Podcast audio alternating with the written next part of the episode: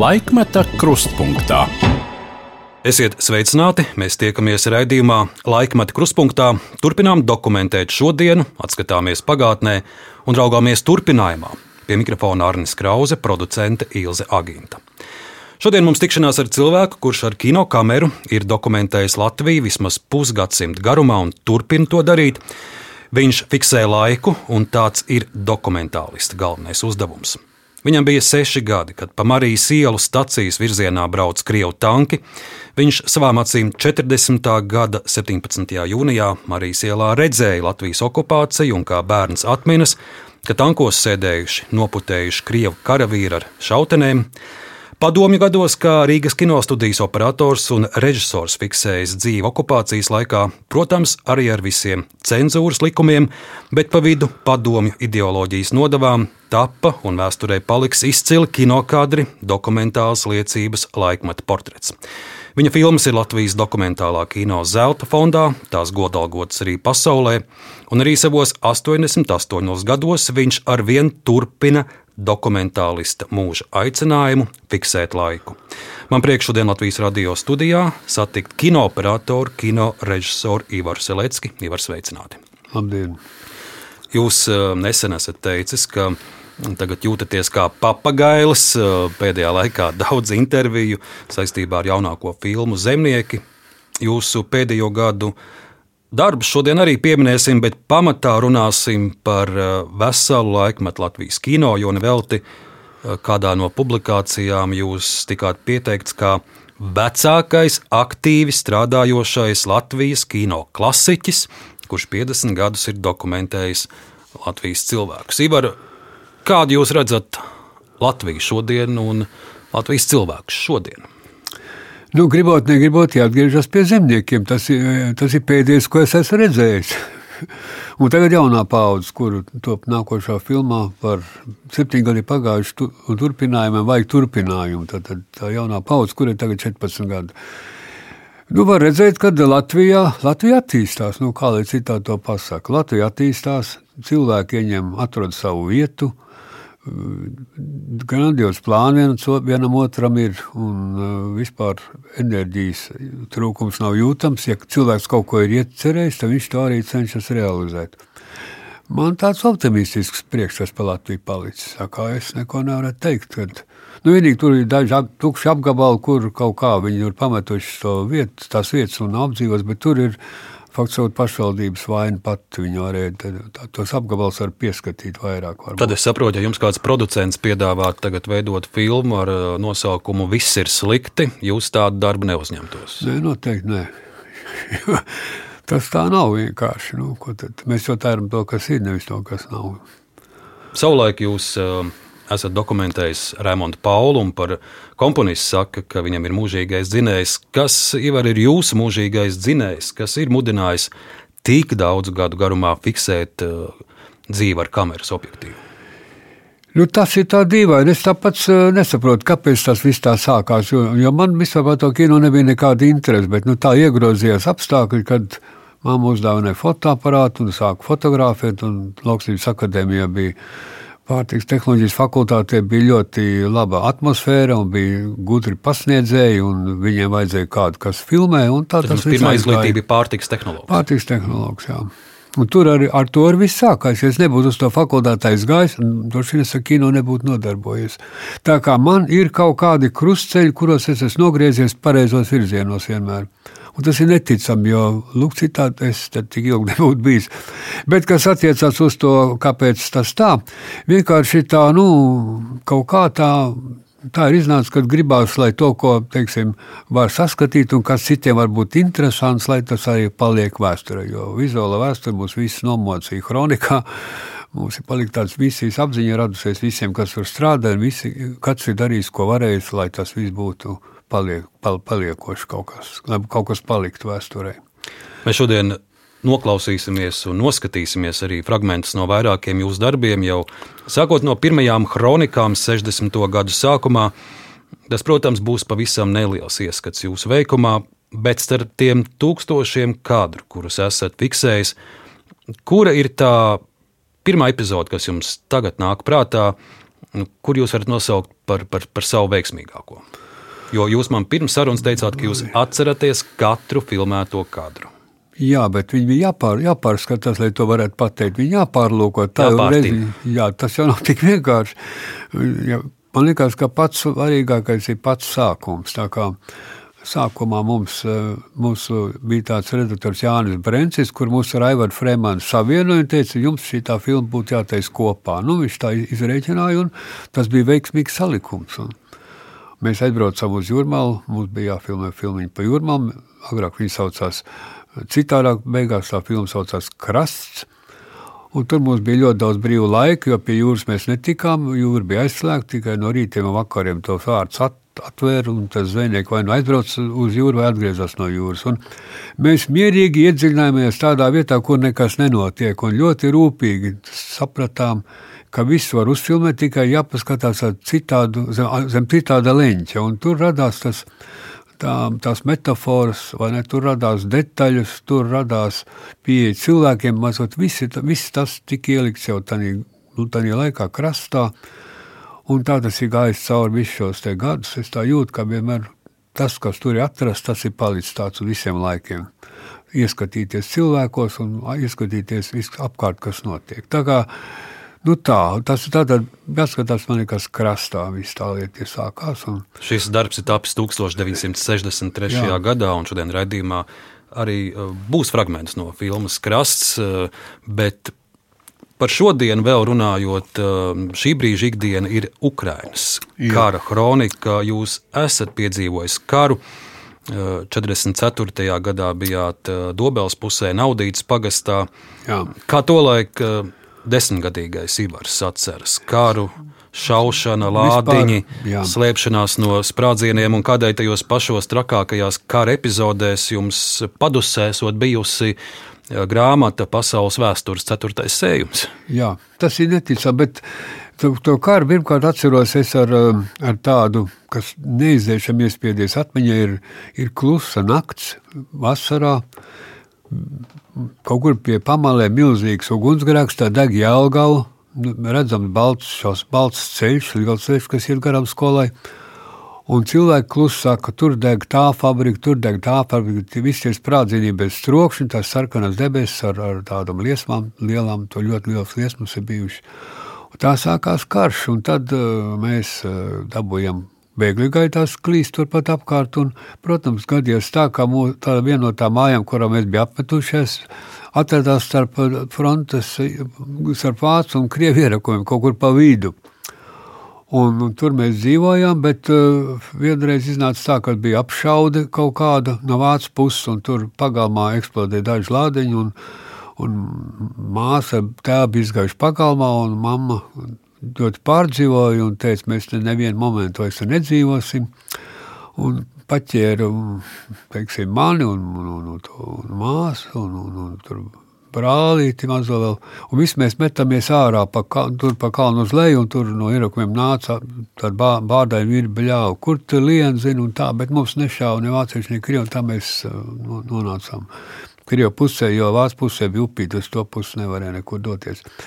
Nu, tas ir tāds ainas, kuras nav aizmirstams, bet galvenais ar, tiem, ar to pasaules otro, ceturto sējumu ir tā, ka bija tāds milzīgs lasīšanas trakums, es lasīju tos grāmatas kā pa plauktiem visu. Un, Un to, to sējumu es nebiju pabeidzis, un vienīgais, ko es varēju paņemt no mājas bija tas ceturtais sējums, un tā es viņu turpināju lasīt, un tieši Tas bija pirmais pasaules karš, kurš sakrita ne, tur tā. Jo apšauba bija tāda, ka par to lodziņu es tur pagrabā pie lodziņa tur lasīju. Un, bet tā šķembas gāja iekšā pa to lodziņu man pāri un trāpīja tiem cilvēkiem, kas bija aiz manis, tur durvīs, tur durvis izlauzt, tur roku kādam sasīt, tur kaut kādus kaulus salauzt, tur ievainoja. Tas viss kaut kā tā tas tā viss notika. Un kaut kādā, ja to grāmatu nebūtu lasījis, varbūt būtu bijis citādāk. Viss, bet es tur biju aizņemts ar to grāmatu, man tā šķēmas pārgāja viss pāri. Un seši gadi jums bija, kad Krievu tanki ienāca Rīgā. Jā, tas no tā atceraties? Jā, es to māju atceros. Tā māja ļoti otrā stāva māja, loks vaļā. Tur bija kaut kādas. Marijas ielā. Marijas ielā tieši, jā, un nonācām pa trepēm un tieši brauc garām. Bija tāda asa benzīna smaka un bija kaut kāds redelīts tam tankam apkārt, un, kur kājnieki bija atspie, atspieduši kājas uz tiem. Un tā sēdēja tādi noputējuši un brauc garām, un publika tā drūmi skatījās, kā visi aizbrauca virzienā uz Zemitānu stacijas pusi. Ja. Un tad gāja augšā, un tur vairs nekādas lielas viesības nenotika. Viss izbeidzās, un tā tas viss kaut kā. Un tālāk kaut kas tas gabaliņš ir pazudis. Tas, tas, tas krievu karavīrs noputējušais, tas jums ar vienu vēl ir tāds priekšā? Nu, viņi tādi ļoti saburzīti izskatījās un tādi, nu, Viņi bija sveši kaut kādi tādi, no citu formu stērpu un vispārējais. Tā kā, bet tā kolona bija diezgan gara, ja tā kā tur tie brauc un tas ķēdes tur dārdēja. Un, Tas bija tāds, tas tiešām, un tā, kad es eju garām tā vietā, es vienmēr atceros, kā tas, un mēs varam atcerēties par to dzīvokli, kur mēs tur bijām iekšā, tā kā tas viss kaut kā ļoti iespiedies atmiņā. Jā. Ivar, jūs savos darbos daudz esat eh, dokumentējis citus un stāstījis par ļaudīm. Es vēl gribu turpināt uh, Eh, par jums pašu, par, par jūsu dzimtu, jo tā arī ir pieredzējis visus tos laikmeta līkločus, kādi mūsu tautā ir bijuši. Es arī pirms mūsu šīs dienas sarunas nedaudz paskatījos arhīvā, ko nu tā varēja atrast par, par jūsu dzimtu. Te jums būs, nezinu, vai jums pašam ir, ja nav, te jums būs eh, jūsu mammas eh, pase pirmās brīvvalsts laikā, tātad Gusts Mirdza. Tas ir brīnišķīgi, un tas jūsu... ir neticami. Ka, nu, jā, protams, ka tāds, nu, tāds lietas nav. Te ir par jūsu tēvu Jāzep Salecki, kurš ir bijis uh, lauksaimniecības skolas Konstantinovā, Dagdas pusē skolotājs. Tā ir 35. gada tautas skaitīšana. Bet, Interesanti, ka tas viss ir saglabājies. Nevar iedomāties, ka tas līdzīgi kā ir, jūsu jā. dokumentālie stāsti, arī šīs arhīvu liecības. Nu, šeit jums būs iespēja vēlāk arī paskatīties, te ir jūsu vecais tēvs un jūsu vecā māte. Skatos, ka vecais tēvs Jānis Gusts jums ir bijis kurpnieks. Jā, to, interesanti. Jā. To jūs zinājāt? Es to nezināju, bet es zinu, to, ka viņam dienas grāmata bija dzējā. Viņš rakstīja kaut kādā tādā odisejas stilā savu dienas grāmatu. Viņam. Un šeit es skatos uz viņa pasas fotografiju. Pasa ir izdota 20. gadā, tātad pavisam drīz pēc neatkarības. Neatkarīgas valsts dibināšanas, es teikšu, ka viņš ir ļoti līdzīgs. Jums vismaz bārda, jums ir kopija tāda pati kā, kā vecā. Varbūt. Tā, Varbūt tas ir tikai fotografija. Bet no visa šī garā dzimtas stāsta, kas man bija interesantākais, ko es uzzināju, ka jūs esat rados ar Kārli Ulmani. Jo es redzu, ka jūsu mammas brālis Arvīts Gusts 38. gadā salauzājas ar Mariju Otīliju Ulmanis, kas ir Kārļa Ulmaņa brāļa meita. Un tad no pases es redzu, ka viņi ir dzīvojuši Tērbatas ielā 38, dzīvoklis 4. Tas ir tas pats dzīvoklis, kur tajā laikā dzīvo Kārlis Ulmans. Nu, nu, neticami, vienkārši es tikai kaut kā es, laikam, atceros, es, es tagad es to zinu, toreiz es jau nezināju, ka Ulmans bija arī vedētājs tam, tam, tam, tam brāļmeitai. Nu, ziniet, tas ir ļoti sarežģīti. Viss. Tā kā par to jau, protams, nerunāju, un nu, tā kā viss tās nianses, protams, es nezinu, bet nu, tas fakts kā tāds, protams, ir bijis. Jā. Tā kā man, viņš, man, Arvīts ir mans krustāvs, tā kā, tā kā tur. Tad, kad bija Losandželosā, es aizgāju pie viņiem, tur viņi tur dzīvoja. Protams, viņam bija brīnišķīgs tāds 30. gadu akcents latviešu valodā. Tā nerunāja, tā vārdu savirknējums un intonācija. Un es biju ļoti tāds sajūta, ka es esmu atgriezies kaut kur, tā, kaut kur sen tādā pasaulē, kas nav pazīstama, jo valoda ļoti atšķīrās. No Bet es tā, saprotu, ka Amerikas rada diezgan tā piesardzīgi bija pret jums, jo tas jau bija 80. gads, kad jūs bijāt Losandželosā. Acīm redzot, kaut kas tā, jā. Nu, vienkārši tāpēc, ka tie dēli darbojās, cik es saprotu, aizsardzības kaut kādās uh, iestādēs, un tāpēc mums nekāds saraksts nebija. Un, ja tur kaut ko uzzināja, tad caur trešām vai ceturtām personām informācija bija. Bet pat fotografijas redz, bija nonākusi. Mēs redzējām, kā tie dēli izskatās, bet tā es viņus neesmu to plānā redzējis. Vai, vai padomu laikos kino studijā jūs kādam varējāt stāstīt, ka jūsu rados ir Kārlis Ulmans? Nu, ne jau es tur visu tik sīki zināju.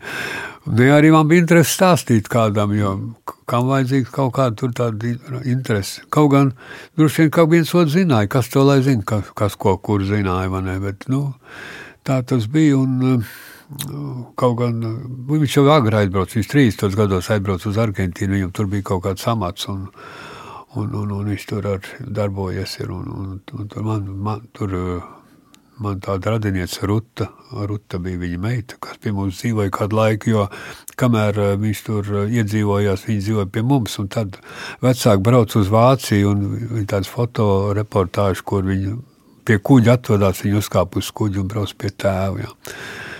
Tas arī kaut kur saglabājies. Ir, jā. tā kā, nu, tā, tāds moments ir bijis. Jā. Bet jūsu dzimtā kino uh, turpinās arī, arī uh, jūsu brāļa Andra meita Marta Salecka, arī Jā. līdzīgi kā jūs dokumentējat cilvēku, dokumentē ļaudis. Saprotiet, rados ir kaut kāds tāds gēns, kaut kāds ar kaut kādu novirzu uz kaut kādām mākslām. Tā kā nu, visi tie mūsu radinieki ar kaut ko tādu nodarbojas ar vizuālām mākslām kaut kādā.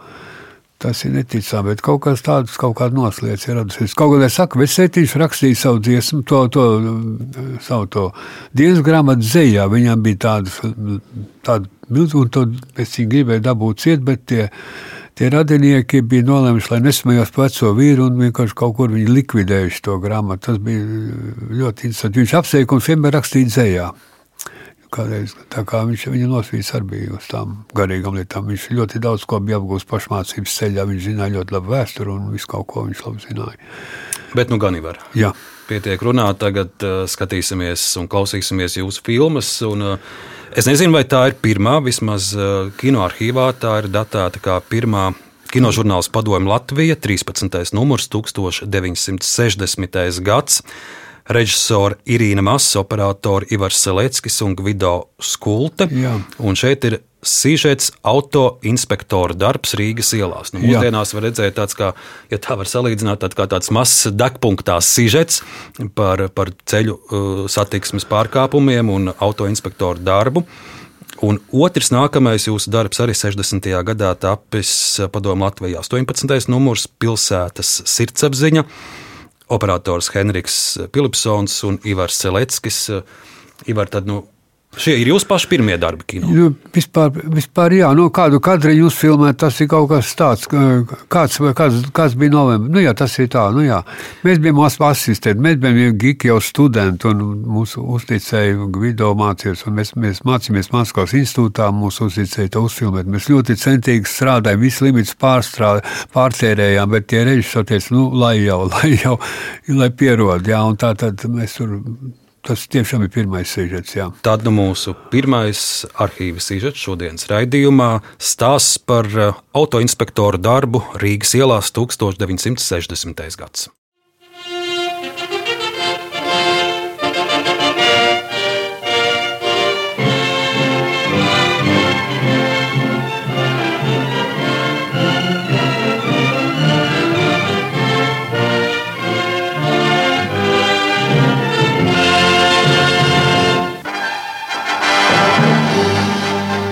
Tāpat kā visiem, jau agrā rīta stundā sākas darbs Rīgas autoinspektoriem.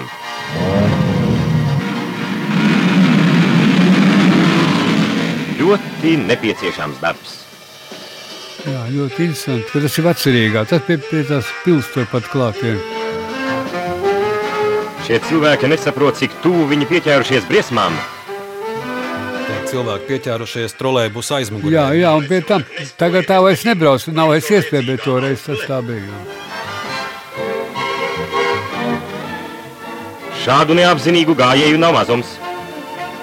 Pilsone, jūs taču esat māte. Padomājiet! Nu, te, tā, tas ir tāds stils, tas ir tā, tā laika stils. Tas ir, jā. Tagad vismaz ir dīvaini izskatās, bet nu, komentārs ir arī ļoti savādāks. Neataisnojieties, Oskar Zebuliņš. Ierēbis šoferis nedrīkst strādāt. Sēdiet pie stūres nozīmē atbildēt par cilvēku dzīvībām. Dzērāja šoferi arī Jā, tagad. Nu, viss tas pats vien ir. Vienīgi cits stils. Ļoti. Dzērumā šoferis Romanovs saķildojās ar savu līdzbraucēju. Jūs vēl smaidāt? Par ko? Kā jūs notrāpījāt to avāriju? Nu, mēs braucām līdz viņiem. Kur bija avārija, mēs braucām līdz viņiem neapskatīt. Pašu momentu, protams, nevarēja uzfilmēt. Savu un cita cilvēka dzīvību.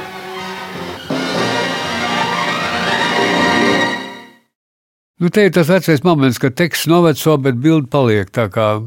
Tur var redzēt, kā cilvēki ģērbušies, kur tā inspekcija atrodas. Izrādās pavisam citā vietā, gan arī pie pilsētas. Un... Kādi bija pirmie trolēļi, mēs te redzam? Kādi, jā, vispār apģērbis. Nu, tas ir tas laikmets, kas ir bijis. Jā, tā kā tas viss ir redzams. Jā, un interesanti, ka pirmie, pirmie, pirmie darbi jums ir tieši saistīti ar, ar tādu kārtības uzturēšanu Rīgas ielās. Nu, Nākamais stāsts arī ir. Nu, bet vecie vīri negribēja to nodarboties. Tas par daudz ilgi bija par daudz piņķerīgi. Nu, lai tie, jaunie tur paskrāja, nu, tas ir tā. Nu. Bet mēs bijām priecīgi par to pašu. Jūsu otrais darbs ir ar nosaukumu Pilsētas sirdsapziņa, arī maz fragments. Lūk, es galīgi neatceros, par ko tas var būt.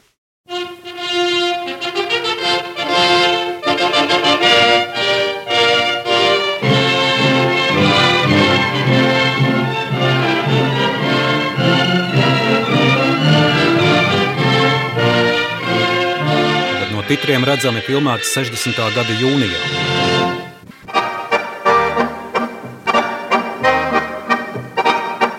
Rīga - pilsēta, kuru mīlam, ar kuru lepojamies.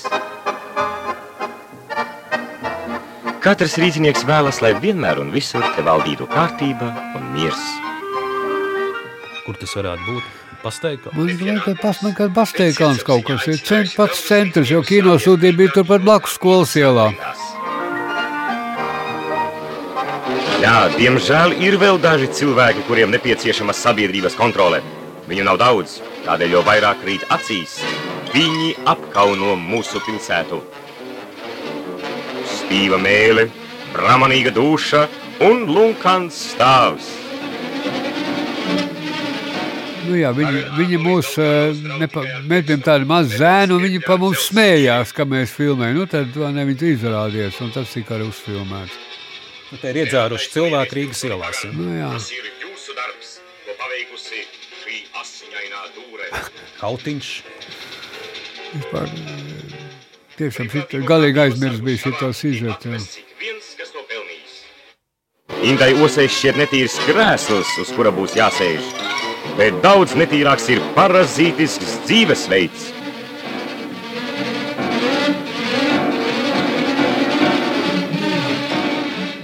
Tas bija, tāds, tas bija tāds laikmets, kas to, fil, ka to filmēja, un tas bija, tā, tas bija presē, arī bija atstāts slot un visur kaut kur tam līdzīgi. Tas ir tāds laikmets, un nu, interesanti. Katrā gadījumā mēs esam centušies, tie portreti ir, ir, ir, ir labi tomēr. Nākamais eh, fragments, 1963. gads, jūs paši jau pieminētā filma Krasts, eh, režisors Aivars Freimans, eh, jūs kā operators un vēlāk arī kinozinātnieki saka, ka tieši šī filma Krasts ir viena no pirmajām vai pat pirmā tā sauktā Rīgas poētiskā dokumentālā stila filma. Un par šo filmu lasot, es arī saprotu, ka atšķirībā no, no tā laika prakses, kur kaut ko aizbrauca un ātri nofilmēja, šeit jūs autori krietnu laiku dzīvojāt ar šiem ļaudīm kopā, pieredzinājāt viņus pie sevis, pie kameras, un, un tikai tad tapa dokumentālais stāsts. Par ko ir filma Krasts ļaudīm pastāstiet?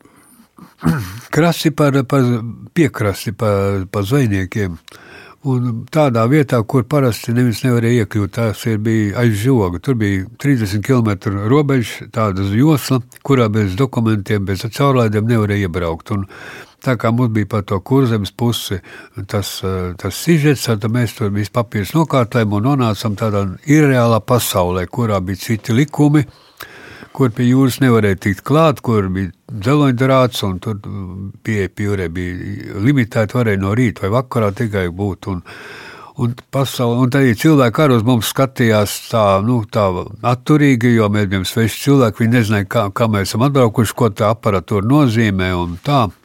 Bet beigās mēs sadraudzējāmies, un tā kā mums bija daudz laika, mēs ar iepazināmies, jo mēs dzīvojam zvejnieku mājā, man pie Balcara ģimenes mājas saucās Tukšanieki. Mums bija tāda maza istabiņa un veranda, un mēs tur tā iedzīvamies, iepazināmies, tad, kad mēs, tad, kad mēs iepaz, izdzērām ar viņiem kādu kastišķiņu abi kopā, tad, var sakot, viņi ņem mūs nopietni, un tad tā dzīve tā iegrozījās, un mēs sapratām, ka tad, tad ja laikā mums bija iespēja izdomāt, mēs sapratām, kāda cik detaļa ir svarīga, cik metafora ir būtiski svarīga, lai saīsinātu, teiksim, metrāžu, varētu izteikt labāku domu. Un, Un viss tur tā izveidojās. Un, un, un, un pie tam tā bija melnā tā filma, bet uh, mēs viņu tiešām kaut kā labi uzņēmām. Tiešām tas, uh, fot, tā kā es fotografēju, man tas bija arī, arī tāds, nu, tāds jau nu, tāds kā piepildījums un citādā veidā, ne, ne, nevis kustī, nekustīgā kadrā. Tu par daudz runā, tu man pat neērti, es pat nevaru izstāstīt. Es zinu, ka tas tie paņēmieni vēl kas līdz visu laiku, tā kā tas ir tie pamati, ko mēs tur ar Aivaru kopā atradām, tie palika. Vismaz man noteikti. Un Ivar, ja reiz jūs, kā jūs raidījuma sākumā teicāt, ka tieši šajā filmā krasts iespējams ir tapuši jūsu mūža līdz šim labākie kadri, tad nu, arī noskatīsimies tūlīt vienu fragmentu no šīs filmas, kura bija filma par zvejnieku dzīvi. Jā. Šodien Ranks Loms. Vīrs saka, Tas ir Balčers, vecais Balčers ar to cepuriem. Tā ir viņa sieva, pie viņiem mēs dzīvojam. sieva saka, o, jeste, tā jau lielā zuvē. Tagad tāds reņģīts vairs nav. Grunduļi visi apēduši.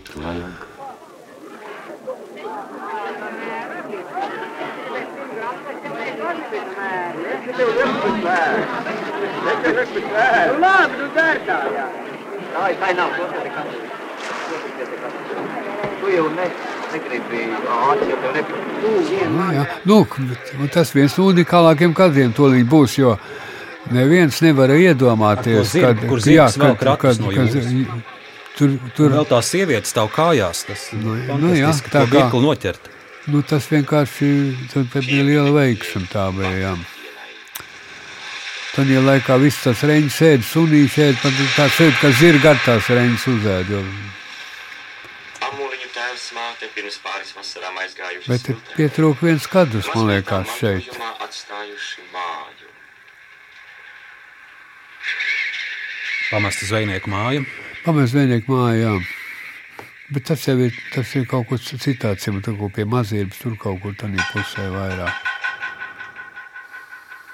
Nu, tad ir zeleņdrāti panāca to, ka cilvēkiem nebija ko darīt. Viņiem bija jāpārceļas uz centriem, jo patiešām jūrā iziet nevarēja. Tad viņi koncentrējas tur rojā, galvenokārt kolkā, tur, kur bija tāds osts, un tur no turienes varēja startēt. Vecie vīri aiziet, un tie jaunie pārvācās uz roju, teiksim. Tā roja ļoti attīstījās. Nu, šis arī tāds dokumentāls kadrs, kur, ir, kur vēl nesen dzīvojuši cilvēki. un tur bija- palicis tur viss tikai- bija saglabājies. Tikai bībeli uz galda un vērpamais ratiņš. Tur viss bija saglabājies. kā ir, vai- vai-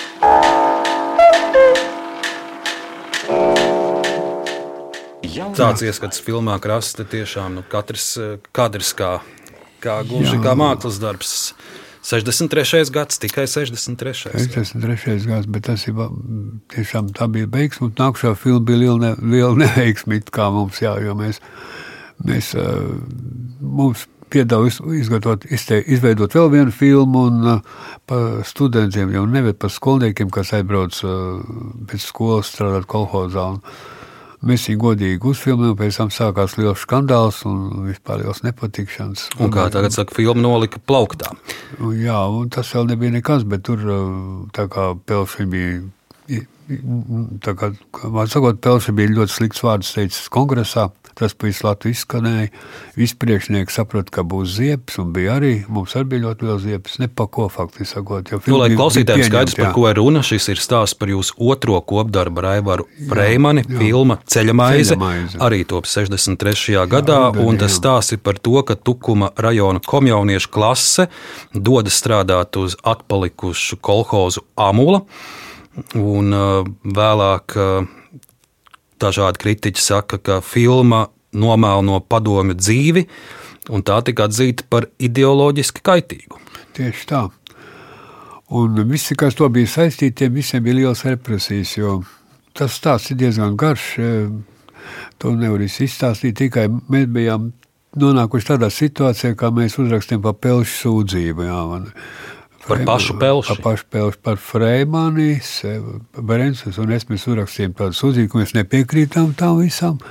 Jo faktiski tur, tur bija tā, bija tā bija īstenība. Tur nekas izdomāts nebija, tur nekas inscenēts nebija. Un, un, uh, Kinodramaturgs Lēņš aizbrauc un to vēstuli iemet Kremļa paskastītē, lai viņi no Latvijas varētu iziet ārā. Un, Un rezultātā atbrauc komisija, bija milzīgs skandāls. Mēs visi palikām savā vietā, jo tur neviens neko neatrada. Tas bija vienkārši. Bet kas tad, kas tad viņuprāt bija tā padomu dzīves nomelnošana? Kas nu, tur nepatika? Man liekas, ka Pelš pats to filmu pat redzējis nebija. Bet vienkārši nu, tur bija tā kukurūza švaka, tur vējs. Mēs saprotam, jautājums ar kukurūzu varbūt tas vējš viņu tur pūš prom, tā raža niecīgi, tur dubļi, nu tāda. Tādiem birokrātiem liekas, ka tas kaut kas šausmīgs. Kaut kā dubļu rudenī laukos nav nekas sevišķs. Kad jūs pats pēdējo reizi šo filmu esat redzējis? Es viņu pēc tam, tagad viņu, viņu, es viņu neesmu redzējis tiešām nu, ilgi. Tad, tagad arī mums iespēja mazu fragment no jūsu otrā lielā darba, filma Ceļamais. Paskatīsimies!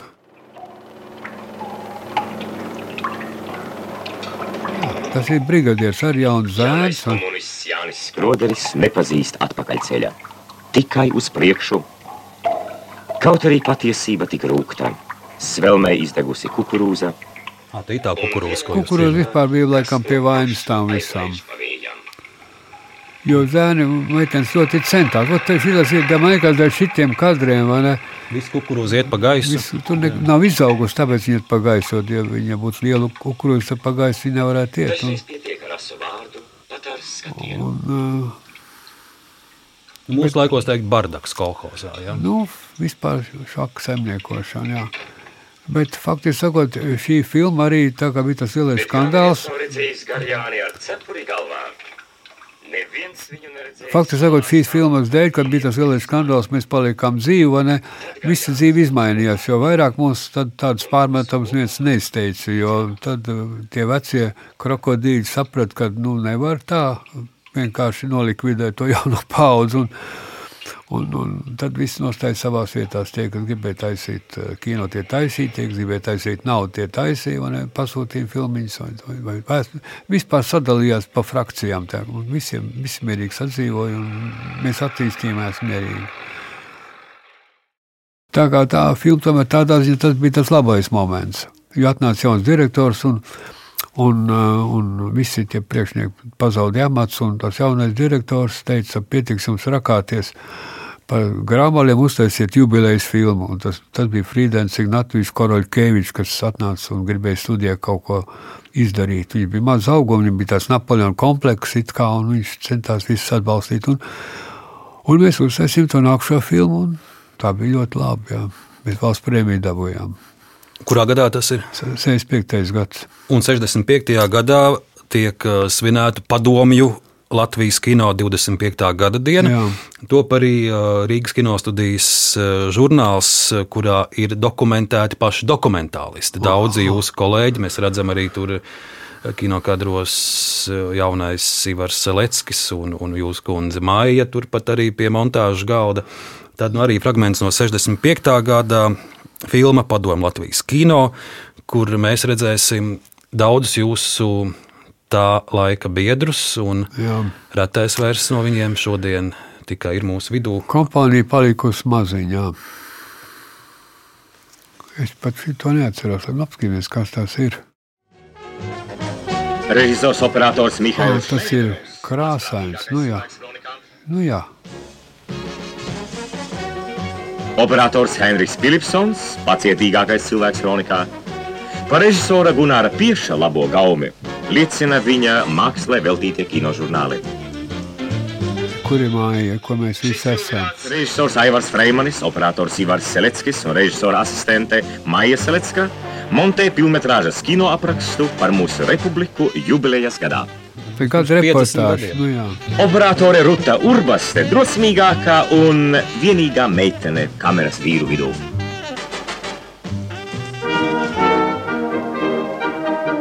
Interesanti, ka normāls krāsas viņi viņu kaut kur apsarā, atjaunojuši kaut kur laikam ir. Jo, jā, vispār interesanti. Nu, jā. Šo bijāt redzējis. Daudz jūsu kolēģi. Jā, bet šī tāda variantā krāsainas es viņu tiešām neesmu laikam nekad neredzējis.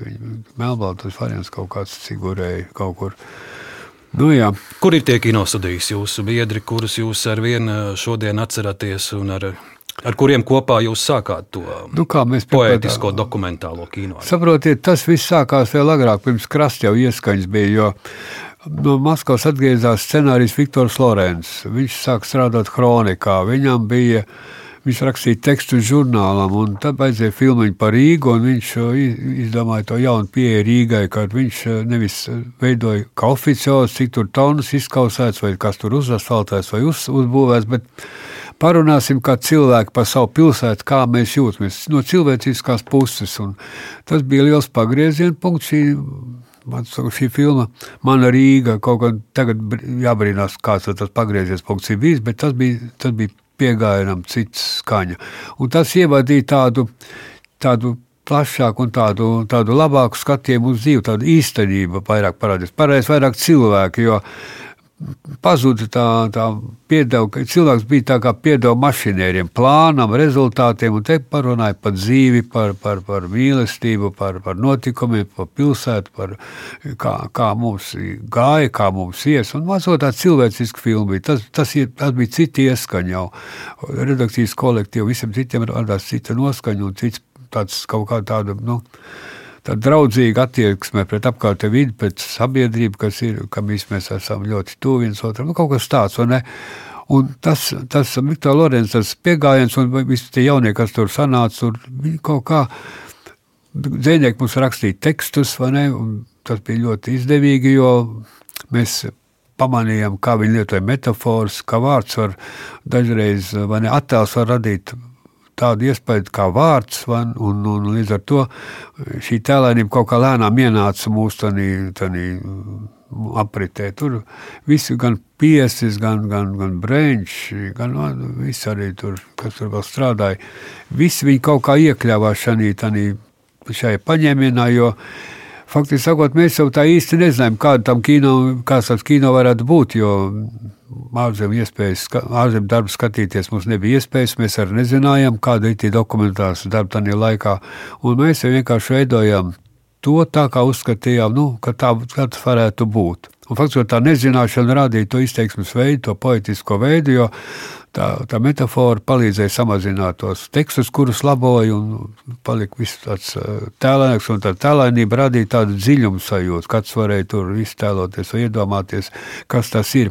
Tagad šos darbus es pat, varbūt pat nesaprotu, jo citu valodu, citu kino valodu un nezinu šo metaforu. Viņi nezina, ko tie, tie kadriņi viens otrs skatījums, ko tas nozīmē. Tajā laikā tam bija kaut kāda simbola nozīme. Tagad tos vairs neatšifrē. Tagad darbs skatās citādāk, bet, bet kaut kas no tā poetiskais saglabājies joprojām. Jau varbūt var arī varbūt var arī saprast, ko mēs esam domājuši. Tur, tur bija visi, visi, visi, visa tā pauze, to vien nodarbojas. Tur, tur Žurgina, Freimanis, tur vēl Breņš bija, un nu, tā, tur visi nāca viens pēc otra iekšā piesis.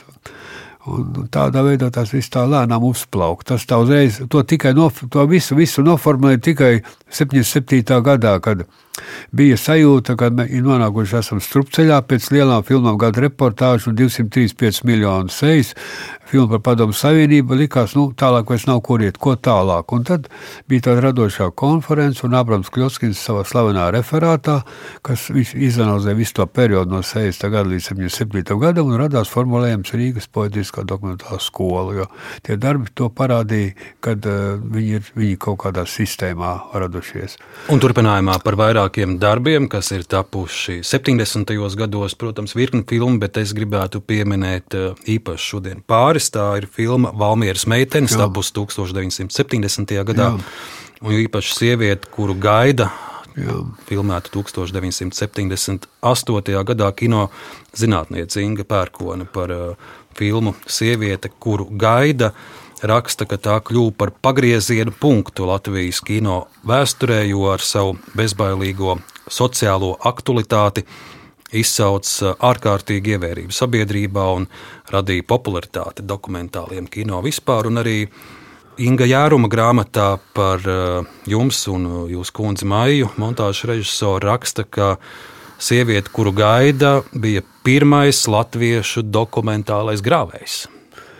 Nu, grāvējs tāpēc, ka tiešām ļoti milzīgi ir fotokadri, kuru dripes apfotografēja, kad no kinoteātrī blāzmā rinda pēc biļetēm iet līdz Matīs ielai un apstūrīt uz Krišavronīlas pusi. Tā bija tiešām ļoti liela interese, jo mēs paskatījāmies uz sievietes dzīvi kaut kā citādāk. Nu, uz reālo dzīvi paskatījāmies, uz tām problēmām un kā tiek sajaukt šie jēdzieni, kad sieviete var tāpat kā vīrietis visu, ne, tur darīt tos pašus darbus, izrādās, ka to nevar, un traktorists nevar būt, un visas tās problēmas mēs pārējām tā kā tas nebija, nebija rādīts, visiem bija ļoti liela interese. Tā viena no pirmajiem piesa... kadriem skatījos filmu ir, kur sievietes šie, šie, šodien tā ir tērbads iela, klāja asfaltu ar lāpstām, šķipelē, Asfaltu. Nu, jā, nu, tas bija tāds darbs. Viņa arī gulšņus lika un visādi smagus darbus veica. Tālvalds Margevičs un Dripa tur piestrādāja pie tekstiem un arī vispār. Un tad bija tāda epizode, kur uh, filmā tiek aptaujātas sešas skolnieces, no kurām piecas saka, ka patiesībā viņas grib būt zēni. Jo, jo vīrieši ir stiprāki, vīriešus ciena vairāk. Nu jā, tas sievietes loma sabiedrībā bija ļoti kaut kā tāda dīvaina. Viņi tik, viņi tik pielīdzināti kāpēc vīrietiem, jo kaut gan tas nav iespējams. Ne? Un tāpēc tas tā iznāk. Un tā, tas ir, tā filma tiešām ļoti publikai, viņi ļoti daudz skatījās, nekur viņi vidusāzi viņi nerādīja, tāpēc, ka tur tai sievietei Tā viņa pie ģimenes tur bija, bet šeit mums uh, likās, ka tā sieviete ir atrauta no mājas, no, no, no ģimenes, un tas bija svarīgi. Viņas tās, viņas tās ilgas netika piepildītas, un dzīve arī dažādas dažādi tādi aicinājumi, kuriem nebija nekāda pamata, piemēram, kļūt par traktoristu. Ja? Nu, tas nozīmē sabeigt veselību, ko neviens nestāstīja, ka tas tā var būt. Un kāpēc traktorists, vai viņi būtu ar šīm mašīnu tur, vai ne, varbūt kaut kā apgūst vai tam līdzīgi. Un, un to, tas viss tā presē, tur milzīgi preses sacēlās visā padomu saņem, tur bija liels sarunas, un tā filma tomēr nostrādāja, jo tā sabiedrība kaut kā sāk runāt par tām lietām, un, un ne jau tā, pēc tam vēl kaut kāds filmas bija tā kā ne jau Tad bija tāds laikmeta aicinājums par to pārskatīt, kas notiek ar mūsu sievietēm. Jā. Un Ivar saistībā ar šo filmu Sieviete, kuru gaida, ir saglabāts arī uh, vecākais jūsu balss ieraksts Latvijas radiofonotēkā. 78. gada 31. maija mazajā ģildē notiek Andrēja Dripes autorvakars kopā ar jums un Tālu Valdu Margēviču. Fragments no šī autorvakara - 78. gada 31. maija interesanti. Pirmo reizi arī es jūtu īstu gandarījumu strādājot pie kino. Daudz lielāku nekā līdz šim to biju e, piedzīvojis strādājot pie aktieru filmām. Tad pirmo reizi es jūtu, ka tiešām kino strādāt ir ļoti interesanti. Un, un tas ir ļoti savdabīgs, man pašam ārkārtīgi daudz dodošs darbs. Kopumā tad par ko ir filma? Tā problēma kopumā. Mēs tagad dažādus aspektus paņēmām. Ne, nu, tā, redziet, kā mēs to varētu tā kopumā saprast? Nu, Tāls jau teica, ka filmas nosaukums ir Sieviete, kuru gaida. Tā kā mums ir jautājums eh, ļoti vienkāršs un tādā pašā laikā ļoti sarežģīts. Vai tā sieviete, kuru mēs jūtam, kurai ir jānāk, kurai ir jāpārvar tā emancipācijas barjera, kuru viņa sasniegusi, viņai ir jāmainās, jo, mm, kā mēs zinām, kā mēs esam to noskaidrojuši, ka pašreizējā situācijā viņas pašas ar šo emancipāciju ir nospiestas. Viņas jūt, ka viņas ir dabūjušas visu, bet tas nav tas, ko viņas grib. Tas ir jūtams visos aspektos. Tātad tam ir jātiek pāri, viņai jāsāk saprast, ka ne visu to, ko viņa var, viņai vajadzētu darīt. Bet tas ir atkarīgs tikai no viņas pašas. Jo mēs nevaram neviens ieņemt tādu soļu lomu un teikt, jums jādzīvot tā. Viņam pašam jāsaprot, kur ir viņa robežas. Tā lūk, to sievieti mēs arī gaidām, kas sapratīs, kur ir viņas robežas, ko viņa var, ko viņa nevar. Un, teiksim, kaut gan filmā mums nav šīs sievietes, jo mēs viņu neatradām šī ideāla varianta. Tomēr iezīmes ir. Mēs domājam, ka nākotnē tādai jābūt. Tāpēc ir tāds nosaukums. Kaut gan mēs šādu sievieti pagaidām nevaram piedāvāt. Ne.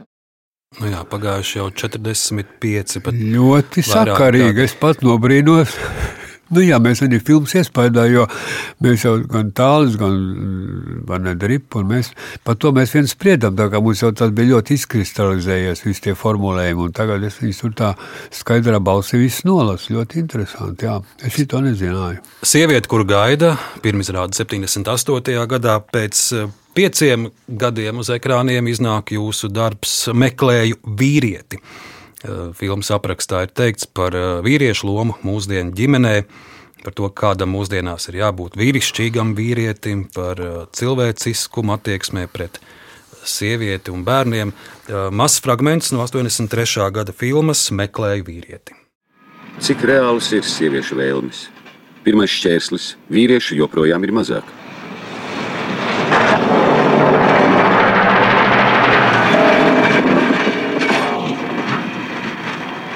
Te mēs redzam, kāda avārija. Jā, alkohols. Rada nebijušas stresus. Kas notiek ar vīrieti? Avārijas, pašnāvības, visdažādākie nelaimes gadījumi. Pēdējos gados tādā veidā vīrieši iet bojā apmēram piecas reizes vairāk nekā sievietes.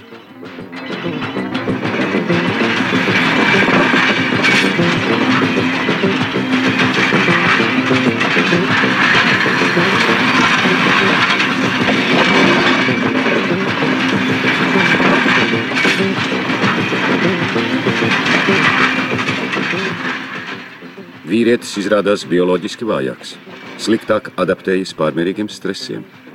Nu, Te ir virkni kadru, kur, kur vīrieši ir avārijās, Jā. nelaimēs, dažādās Jā, iekļūs. tā tas ir. Jo apgādājot, saka, redziet, tas ir tas par to. Vispār ar tiem vīriešiem bija grūtāk, tāpēc, ka vīrieši tas dzīves ilgums un bija valsts noslēpums vispār, jo tas bija saistīts ar armijas lietām. Tikpat kā sievietēm vajadzēja būt par traktoristiem, tas arī bija saistīts ar armijas lietām. Jo, ja vīrieši iesauc armijā, tad sievietes strādā par traktoristu. Ja, tas, un tā tas bija. bija ties, tā, tiešām bija. Nevarēja neko tur vispārināt. Tā kā ar vīru bija sarežģīti. Es vēlreiz citēšu arī kinozinātnieci Ingu Pērkonu. Viņa saka, ka šajā filmā meklē vīrieti ir daudz mazāk didaktikas. Tā uzdod jautājumus, bet nesniedz gatavas atbildes. Eh, Savulaik eh, tas kļūpa par iemeslu filmas kritizēšanai. Arī tās izraisītā rezonance bijusi mazāka, taču šodien šie trūkumi kļuvuši par filmas vērtību. Tā Inga Pērkona. Ļoti.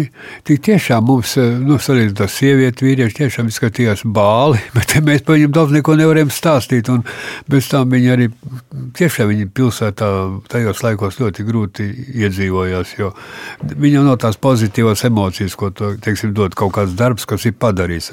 Sēdēt pie telefona, kārtot papīrus, un tu nevari nekādīgi atg- atgūties alkohols. Ne- ne- Nesadz to un nervi. Asot, tas ir pilsēta nebija, bet tajā laikā nebija piemērot vīriešiem. Un vispār, ne, tas, eh, viņam tas morālais sloks, ka viņam jāapgādā ģimeni, viņš varbūt nevar tur nopelnīt tik daudz, un līdz ar to ģimenes stabilitāti tur. Vecot, viņš nevar nodrošināt dzīves līmeni kaut kādu, un, un tas viss ļoti viņu nospiež šo vīrieti pilsētā, un tāpēc arī pašnāvības un alkohols vispār ir, ir tikai sekundārs moments visam tam. Kas ir. Un Tāpēc šī filma arī neko, arī, neko daudz arī negāja riņķi un neskatījās viņu un nerāda viņu arī, jo, nu, kam gan tie vīrieši interesē par sievieti, jā, bet tie vīrieši, ne, tā, Tad nu, turpināsim par sievieti. Līdz uh, 80. gadu vidum virkne filmu par uh, sociālajām aktualitātēm, bet arī paralēli top izcili portretu stāsti. Un kā viens no tādiem es šodien vēlos pieminēt uh, filmu Sieviete starp diviem romāniem. Tā ir filma par Regīnu ezeru. 1984. gads um, arī noskatījos uh, izcili dokumentēti mirkļi ar uh, rakstnieci, sarunas ar viņu un arī viņas sadzīvi, viņas ikdienu. Arī mazs fragments Regīna ezera. Jūs stāstījāt par tādu gadījumu martā šķiet. Jūs pazaudējāt samaņu un nokritat.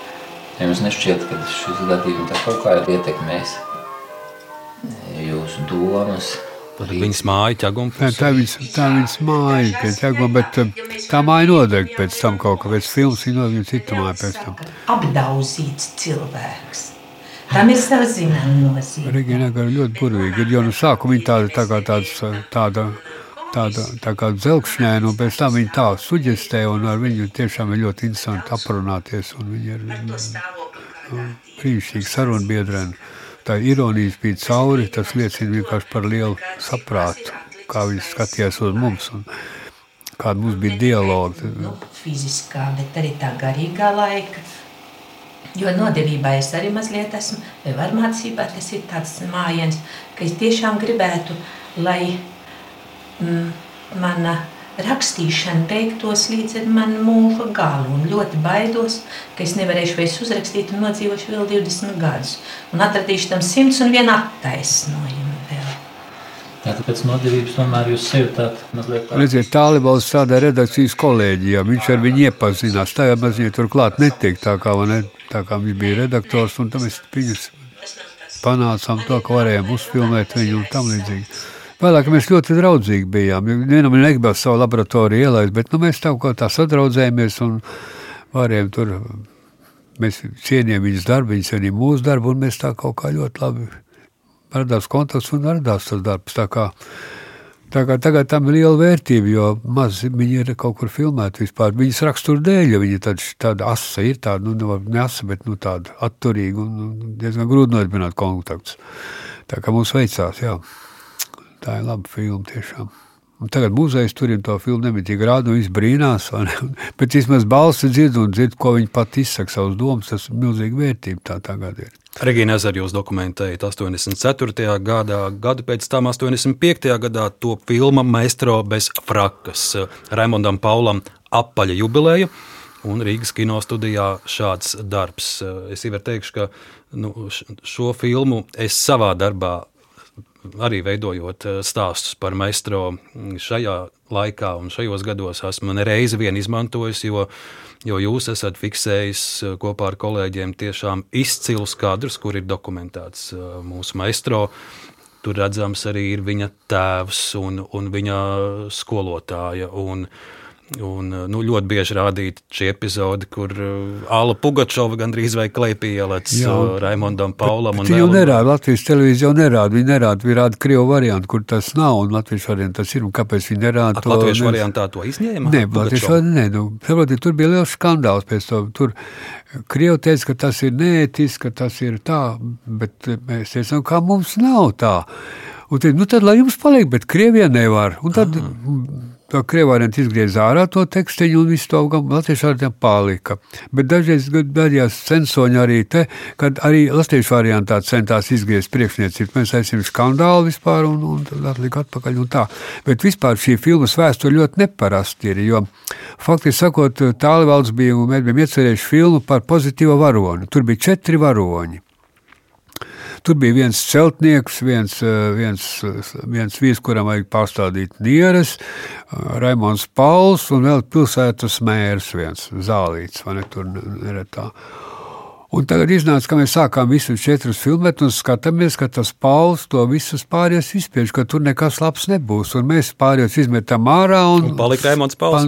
Sākās drausmīgs skandāls. Direktors teica, tā, jūs, jūs tagad šitik viltīgi gājienis izveidojāt, ka jūs sakat, ka jūs taisīsiet šitos te, šitos te vīrus filmu, tagad jūs viņus metat ārā, tas ir tikai iegāns, lai uztaisītu par Raimonu Paulu, jūs par to samaksāsiet. Nekas tur nebūs tālāk.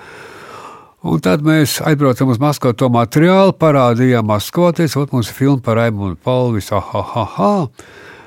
Jā, bet jums tur trūks Pugačova. Ja liksiet Pugačovu klāt, mēs pieliksim naudu klāt, mēs sakam noteikti, un piedem mūsu naudu klāt, un mēs uzsāksim šo filmu. Tā, nu, arī mazs fragments. Un, un, un, un, un, un tad arī tā filma visiem arī tā aizgāja, visiem patika, un, bet iesākt nebūtu bijis iespējams, jo par Emānu Paulu filmu nebūtu iespējams uztaisīt, ja oficiāli viņi taisītu. Tādas iznāca beigās. Arī mazs fragments, lūk.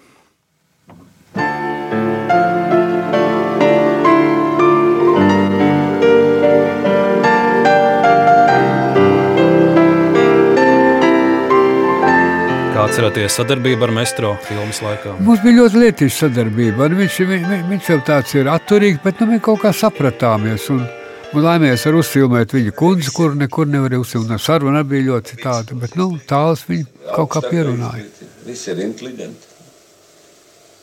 Bet es no pieredzes zinu, mēs tur nemaz nav tik viegli atvērt nē, nē, nē. Nu, tevi, atklātību. Tas kaut kur ļoti izdevās jums. Nu, jā, viņš tur sniegs šķūrē, ko tur mēs var palīdzējām viņam kaut kas tāds. Visā tā lietai tas vārds sirds izglītība. Ka kaut ko viņš tādu. Un te arī tā vērtība ir vairāk dokumentālie kadri, kur maestro ir redzams gan ar saviem vecākiem, gan, gan runā par savu mammu un tēti. Un, Tā bija skolotāja, viņš ļoti to skolotāju atcerējās. Ļoti viņa... Jūs esat fiksējuši arī maestro skolotāju. Jā, jā, jā. Viņš... Nu, kad daudz strādnieku rajons te bija mums. Te bija arī. Te tie strādnieki vienam divam. Jā. Nu, Priekšpilsētas skolotāji bija ļoti jābūt lielai aktrisei, vispār, lai varētu visiem sadzīvot un visiem viņi to prata. Un tie bērni bija, kas tiešām tā ļoti, ļoti, var teikt, centās mācīties. Un, un te skolotāju un maestro tētis atcerās mazo Raimondu. paklausīsimies. Pēc trīs gadu viņa nomocīja. Jā, jā. Raimons par jums teica, Mildu Babro, man pirmā īstā skolotāja. Bet kāds viņš pats toreiz Nu. bija? Nu jā, te ir tāds četrnieks. Paldies. Pauls Raimonds, jā. Jā. 36. gada 12. janvārī. 5, 5, 5, 5, 5, 5, 5, 5, 5, 5, 5, 5, 5, 5, 5. Vienīgi fiskultūrā četrnieks. Nu, tam tikai viņš nevingroja, viņš pavadīja. Bet par to vajadzēja dot Viņš pieci. pavadīja tos vingrotājus. Jā. Nu, bet iedomājieties, visur uz piecinieku ir ko, nu? Jā, tas ir tiešām. Vispār te tas, te tas laikmets, ne, kas nav pierakstīts, nav bijis, ne, tas ļoti parādās šīs laika, laika gaitā. Tikai kāpēc, nu jā, es, ko es runāšu par to televīziju, kas nezinu, kāpēc nerādā tieši variantu visu laiku.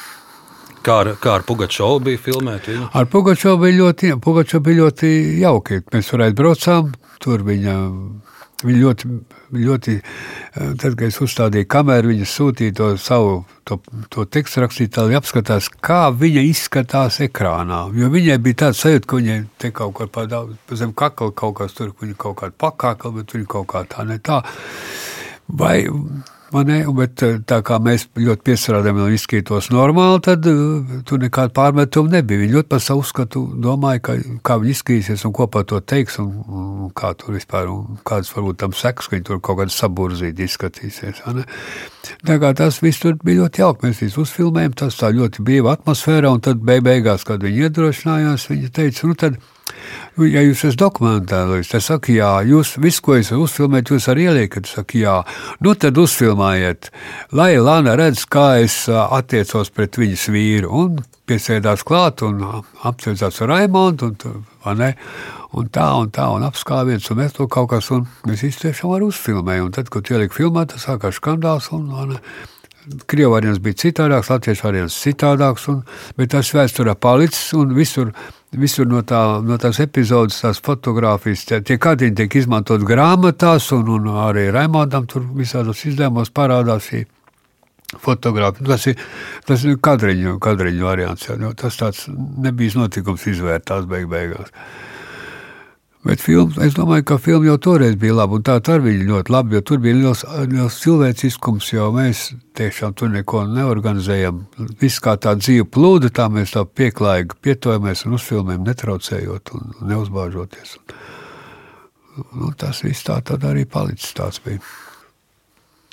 Maistro filmu top 85. gadā un lēnām jau tuvojas atmodas laiks, 80. gadu beigas, un uh, šeit es vēlos pieminēt vienu jūsu darbu Latvija 1989. gada augusts. Jā. Šī filma tika veidota Francijas televīzijai. Es teikšu, atklāti, es par tādu neko nezināju, un vakar arhīvā atradu, noskatījos ļoti daudz interesantu dokumentālu kadru par uh, atmodas periodu, Baltijas ceļu, kurus es līdz šim nebiju redzējis. Jums ir izdevies nevien tos politiskos notikumus fiksēt, bet arī mm, cilvēks, vienkārši cilvēks visā šajā lielajā pārmaiņu procesā. Par šo filmu. Jā, šī filma bija ļoti interesanta. Toreiz direktors bija Rihards Piks. Un, uh, un viņš, uh, viņam bija atbraukuši kaut kādu franču, kaut kādu sadarbību gribēja, un tad viņš uh, piedāvāja veidot tādu filmu. Vienu filmu taisa francūži pa Latviju, un mēs taisām paši pa sevi. Tas divas filmas paralēli. Un tad eh, mēs vienojāmies, ka tas tā var būt. Tad savācām savu komandu, visu, vai ne? Tālvaldis, es un vēl tur viss vis tā brigāde, kas mums tur bija, un sākām strādāt. Un, un eh, tiešām mēs ļoti rūpīgi sekojam tādiem interesantiem notikumiem, kurus tā parasti neizceļās. Bet eh, tas priekšnājos vai atmodai bija ļoti spēcīgi izpaužās, spēcīgi izpaudās un dažādos cilvēku slāņos un viņi parādījās. Un tad tur tās epizodes arī tika vāktas un filmētas, un pat, eh, pat tiešām aizbrauc uz, uz, uz Bundesrepubliku un dabūja tos protokolus ciet un uzfilmēja arī tos, lai būtu redzams, par ko tieši tas, uz, tas iznāk. Jūs filmas sākas ar Molotovu Ribbentropa Jā. dokumentu. Tā, tāpēc, kad arī tiešām tāda jubileja, tā, ka laikam ir 50 gadi arī jubileja. Tā, 50, paktam. Jā, paktam, jā. Viss, kas ar to saistīts, un tur Bondā uzfilmē visu to tur. Tā ir atsevišķi stāsts, atsevišķi epo, epopeja, bet tā viss laimīgi beidzās, un pie tām tie kadri tiešām parādījās, kā tas viss ir. Un starp filmas autoriem arī jūsu brālis Jā. Andris Selets, kas Jā. arī Gvido Zvaigznes operators. Ja Gvidotai filmēja arī to mm, Baltijas ceļu, jā. Bet Andris, Andris bija Ba- Bonnā tajā laikā, laikam, jā, viņš bija Bonnā. Tā valda divi, vien viņam iznes, viens cits Latvijas no Bundes arhiem iznes pirms šo dokumentu parādīja. Tur arī tagad tur mēs visi tie nopriecājamies par šiem kadriem. Nu, lūk, arī tātad mazs fragments no 89. gadā tapušās filmas. Tā vēlāk ir rādīta Francijas televīzijā. Tur recenzijas arī interesants ir. Viss tas tur arhīvos kaut kur stāv. Un šis ir viens no filmas Jā. varoņiem. Savas ādas izbaudīja, ko nozīmē impēriska politika šodienas variantā. Uldim Veselim paveicās. Viņš atgriezās bez ievainojumiem. Stāsts par Uldi Veseli. Jā, tas ir Daigas brālis. Būvlaukumā vakarā jāpiepelnās mājās ar skrodaru darbiem, jo ar celtniecībās saņemto mēbeles nenopirks. Uldis ar sievu šeit iecerējuši novietot sekciju. Uldis ir pelnītājs, sieva pagaidām dzīvo mājās un audzina divus bērnus. Vai beidzot celtniecības tehnikumu Uldis varēja iedomāties, ka iztikas kumos būs jāizgriež ar šķērēm? Tāda ir mūsu realitāte.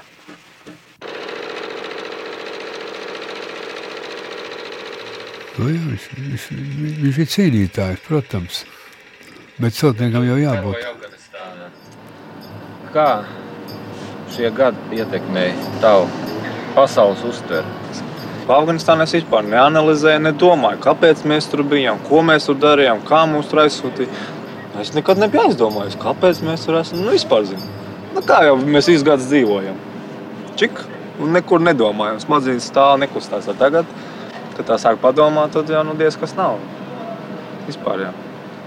Es jau tur vairāk tur klubā šiem tur strīdos. Tur. Kāds tur ir noskaņojums no, pret tiem procesiem, kas patreiz Latvijā notiek? Tur jau kā jau ne mums. Pārsvarā krievu tautības, un pārsvarā čaļi, kas ir iebraukuši. Ne? Arī no Afgāņiem. visi, ne?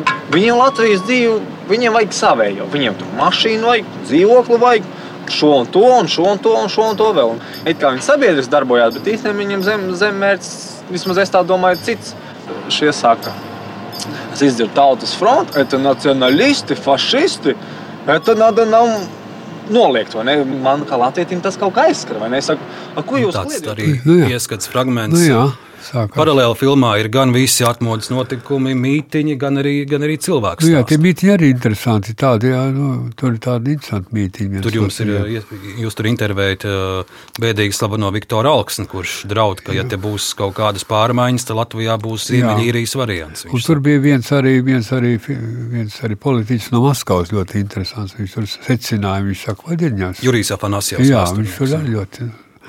Tās runas viņa varbūt tādēļ viņa nerāda. Es nezinu, kāpēc viņa šo filmu nekur nerāda. Nu, lūk, šis Uldis, uh, tolaik jaunais uh, celtnieks un ģimenes galva, kurš dienējis arī Afganistānā, vēlāk būs redzams vēl vienā jūsu filmā, pat, pat vairākās, uh, un tā ir Šķērsiela. Es teikšu, ka nu, tā ir mana filma, kuras esmu noskatījies, teikšu, godīgi, reizi desmit vismaz, jo, jo tajos manos bērnības pusauģu gados es dzīvoju Rīgas ot- otrā pusē, un pēc filmas pirmās reizes redzēšanas man bija liela interese arī ten aizbraukt uz to šķērsielu un redzēt, kā tur izskatās. Un galvenais jau redzēt tos cilvēkus, jo tie, tie, tie ļaudis, tie tipāži ir tik, tik interesanti. Jūs viņus esat pamanījuši un atraduši, ka, ka man ar katru no viņiem gluži vai gribējās ieraudzīt, kāds viņš izskatās un kāda vispār šī šķērsiela izskatās. Bet jūs paspējat visus tos varoņus apskatīt? Es šķērsielu pirmo reizi mūžā ieraudzīju tikai pirms gadiem, nu, tie varētu būt desmit, kad nu, tur jau bija jūs filmējāt turpinājumu. Jā. Un es to laiku strādāju panorāmā, un tad, nu, tā man Jā. bija tā reize, beidzot, iespēja būt šķērsielā, un vēl dažus, dažus no šķērsielas film, filmas varoņiem es savām acīm redzēju. Tagad viens mazs fragments no, Jā. no panorāmas sižeta par oh. to, kā taps šķērsielas trešais turpinājums, bet šeit mēs dzirdēsim arī vairākus varoņus. Tas tiešām saglabājies panorāmā, man liekas, viņi tur kaut kā ļoti Neticam, Šis stāsts ir saglabājies. Neticam,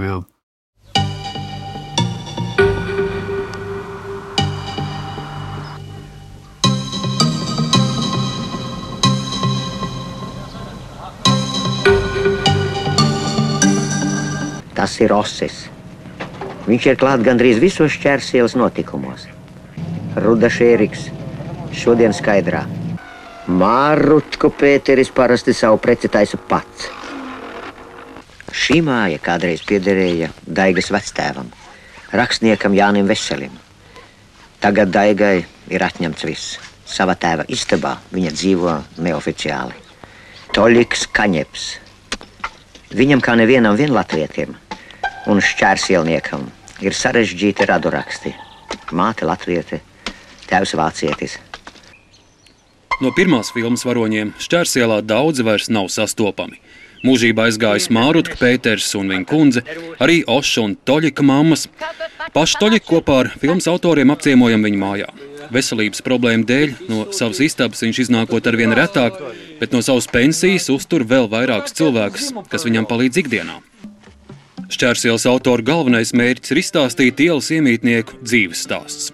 Protams, skatītājiem jau īpaši interesanti būs sekot tiem varoņiem, kur bija redzami jau pirmajā filmā Tad, kad uh, 88. gadā mēs pirmoreiz iznācām šajā ieliņā, nekad nevar iedomāties, ka mums nāksies iziet cauri trim laikmetiem. Tas vienkārši neticami, jo pirmā filmā mums bija tā, mēs taisījām tā kā vienīgo un pēdējo filmu. Pēc tam notika visādi satricinājumi, mēs bijām spiest uztaisīt otro filmu. Tagad atkal ir tāds, grie, tāds pagrieziena moments, Un sevišķi ļoti smagi tagad krīzes laikā. Mums atkal jātaisa filma, tad mums tā triloģija būs trīs dažādi laikmeti. Šķērsielas lepnākais auto. Tas pieder kazino plūmiņam. Vēl nesen ar žiguli braukāja. Kapitālisms šķērsielā tāds būs filmas trešā turpinājuma nosaukums. Laikam skumjākais moments, nu mēs te pastaigājot, jūs arī pa šķērseli redzējat, kad parādās pamestas mājas. Jā. Vienkārši Tā ir pilnīgi jauna parādība. Nu, vienkārši neticam, ka tādā kvalitātē jaukā un skaņa viss nu, vienkārši apbrīnojami, ka televīzija kaut kas saglabājas arī. Kino zinātnieks Agris Redovičs par šķēlsēju teicis, ka tā ir unikāla māksla, un tas Ivaram nebūtu izdevies bez viņam raksturīgās pacietības, kas viņam ir, tā ir apbrīnojama. Es nezinu nevienu latviešu dokumentālistu, kurš spētu dienām ilgi gaidīt, bet viņš zina, ko gaidīt. Mums citu tādu filmu nav. Kā, kā šķērsiela, un šķērsiela arī starptautiski panākumi un arī e, liela, liela atzinība. Jā, pats interesantākais tas, kad redziet, Tanīs ražošanas apstākļos varēja gaidīt. Tagad tā gaidīšana ir ļoti minimāla, jo finansējums ir tāds, ka neko daudz sagaidīt tu nevar. Tu, tas gaidīšanas moments paliek vien īsāks. Jāpaļaujas uz pieredzi un jāatrod īsto, īstajā laikā, jāierodās. Metode citādāk, jo, jo tagad ir citādi arī ražošanas apstākļi un finansējums. Nu, katrā gadījumā, kas izdarīts, izdarīts. Es domāju, ka tiešām mēs nedomājam, ka izveidosies triloģija. No šķērsielas varoņiem ir vēl kāds, kuru varbūt pēdējos gados esat saticis, vai kāds jā, es, jā, jā, ir, ir Daigi, ir un Aldis ir. Aldis ar savu māju tur ņemās vienkārši, viņam tik brīnišķīgi māja, viņam milzīgi nodokļi jāmaksā. Es teicu, nu ko tad tev vajadzēja piemaksāt, tu visi ekskursanti iet skatīties tavu māju, ko tad tev vēl nodokļi tur jāmaksā. Tā kā viņš tur ir un Daigi ir, un brālis attur vēl dzīvo. To brālis gan ilgi nesaticis, bet Daigu satikuši tad jau. Bet nu šķērsila tagad ir asfaltēta. Tā vairs vairs nav tā, tā vairs nav tā. Visi aiz žogiem, aizslēgtām durvīm. Man mašīna izbrauc vārtiem, aizbrauc, nav kontaktiespējas, vairs cilvēki sadalījušies. Ne, tur ir daudz sveši atnākuši, ne, kas norobežojas. Ne, tā, kā, tā ir cita pasaule, un tā kopības sajūta vairs nav iespējama, jo tā dzīve vairs nav atvērta. Tā tu varēji visu satikt, visiem tur bija arī par žogu satiec un darbojies un sarunājies, un tagad tas viss ir aiz durvīm jau. Un jau ar pēdējā filmu, kur es šodien raidījumā vēlos uh, pieminēt, uh, filma turpinājums pirmizrāda 2018. gadā. Tātad pieci bērni pirmajā klasē, un tas ir viena gada vērojums par to, kas notiek bērnu prātā. Filmā mēs redzam Aneti, Zani, Gļebu, Kārli un Anastasiju. Uh, mazs ieskats 2018. gada filmā. Kas tur varētu būt jūsuprāt? Tur saplīst, un tur ir mm, viss melns. Nav gaisa, kosmosā nav gaisa. Tur ir viss galīgi tumšs. Jā. Nē, šeit ir laikam Latvijas nav. Nē, jā, tur pie kusa okeāna. Es nekad ne, es aizsēju, neizprecēšos, es nekad kā jūs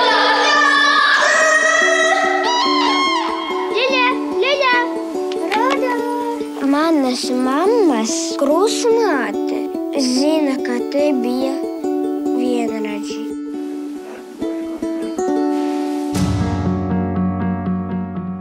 Pieci bērni, viens gads. Jā. Otrajā klasē. Tas labi, mēs. Pēc piecām, astoņām gadiem mums būs jāskrien uz skolu, nevis jāiet Никаких слов, чтобы я не видел. Или пойдешь на танцы.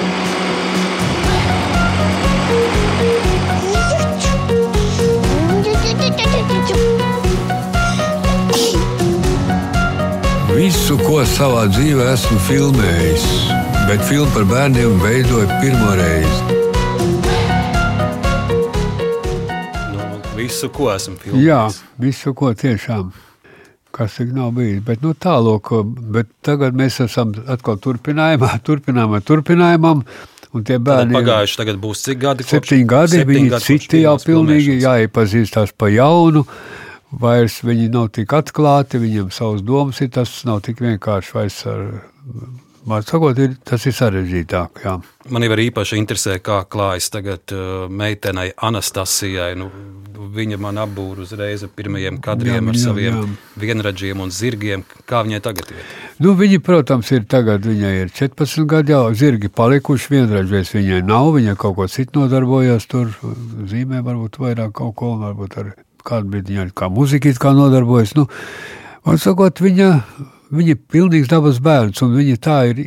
Tā ietusies tādā dabā, un viņai uti uzskati tik eh, tādi interesanti un viņa to cilvēku un dzīvnieku attiecības, kā viņi viņas to tā, lai paliek tajā filmā, ko viņi tur izstāsta, pat kā tas viss notiek. Bet viņa, viņa ļoti izprot šo dabu un pāries. Un līdz ar to varbūt arī tiem pilsētnieku bērniem, kas nav tik tuvu pie dabas, varbūt viņiem viņi šķiet varbūt neizprotam, jo viņiem ir citas vērtības sistēmas. Ne, ja tur tādā mazā pilsētiņā tur varbūt kāda cigarete vai kaut kas tur svarīgi vai kaut kas cits, tad viņai tas absolūti neinteresē. Tātad šis ir darbs, pie kur jūs Pie strādājat. kur šobrīd. strādājam un kuram jābūt gatavam nākošā gada beigās. Un es saprotu, lai tas taptu, jums, piemēram, ir pat jādodas uz skolu un jāsēž četras stundas fizikas klasē. Ja? Jā, visās klasēs jāsēž. Kino operators, kino režisors Ivars Seleckis turpina dokumentēt Latviju. Šodien Ivar, liels paldies jums par sarunu. Paldies jums par lielo darbu, ko esat ieguldījis, lai būtu šis raidījums. Raidījuma autora Arnēs Krauzīls, Aginta Reinis Budze, īpaši pateicība par palīdzību Nacionālajam arhīvam. Turpiniet klausīties Latvijas radio.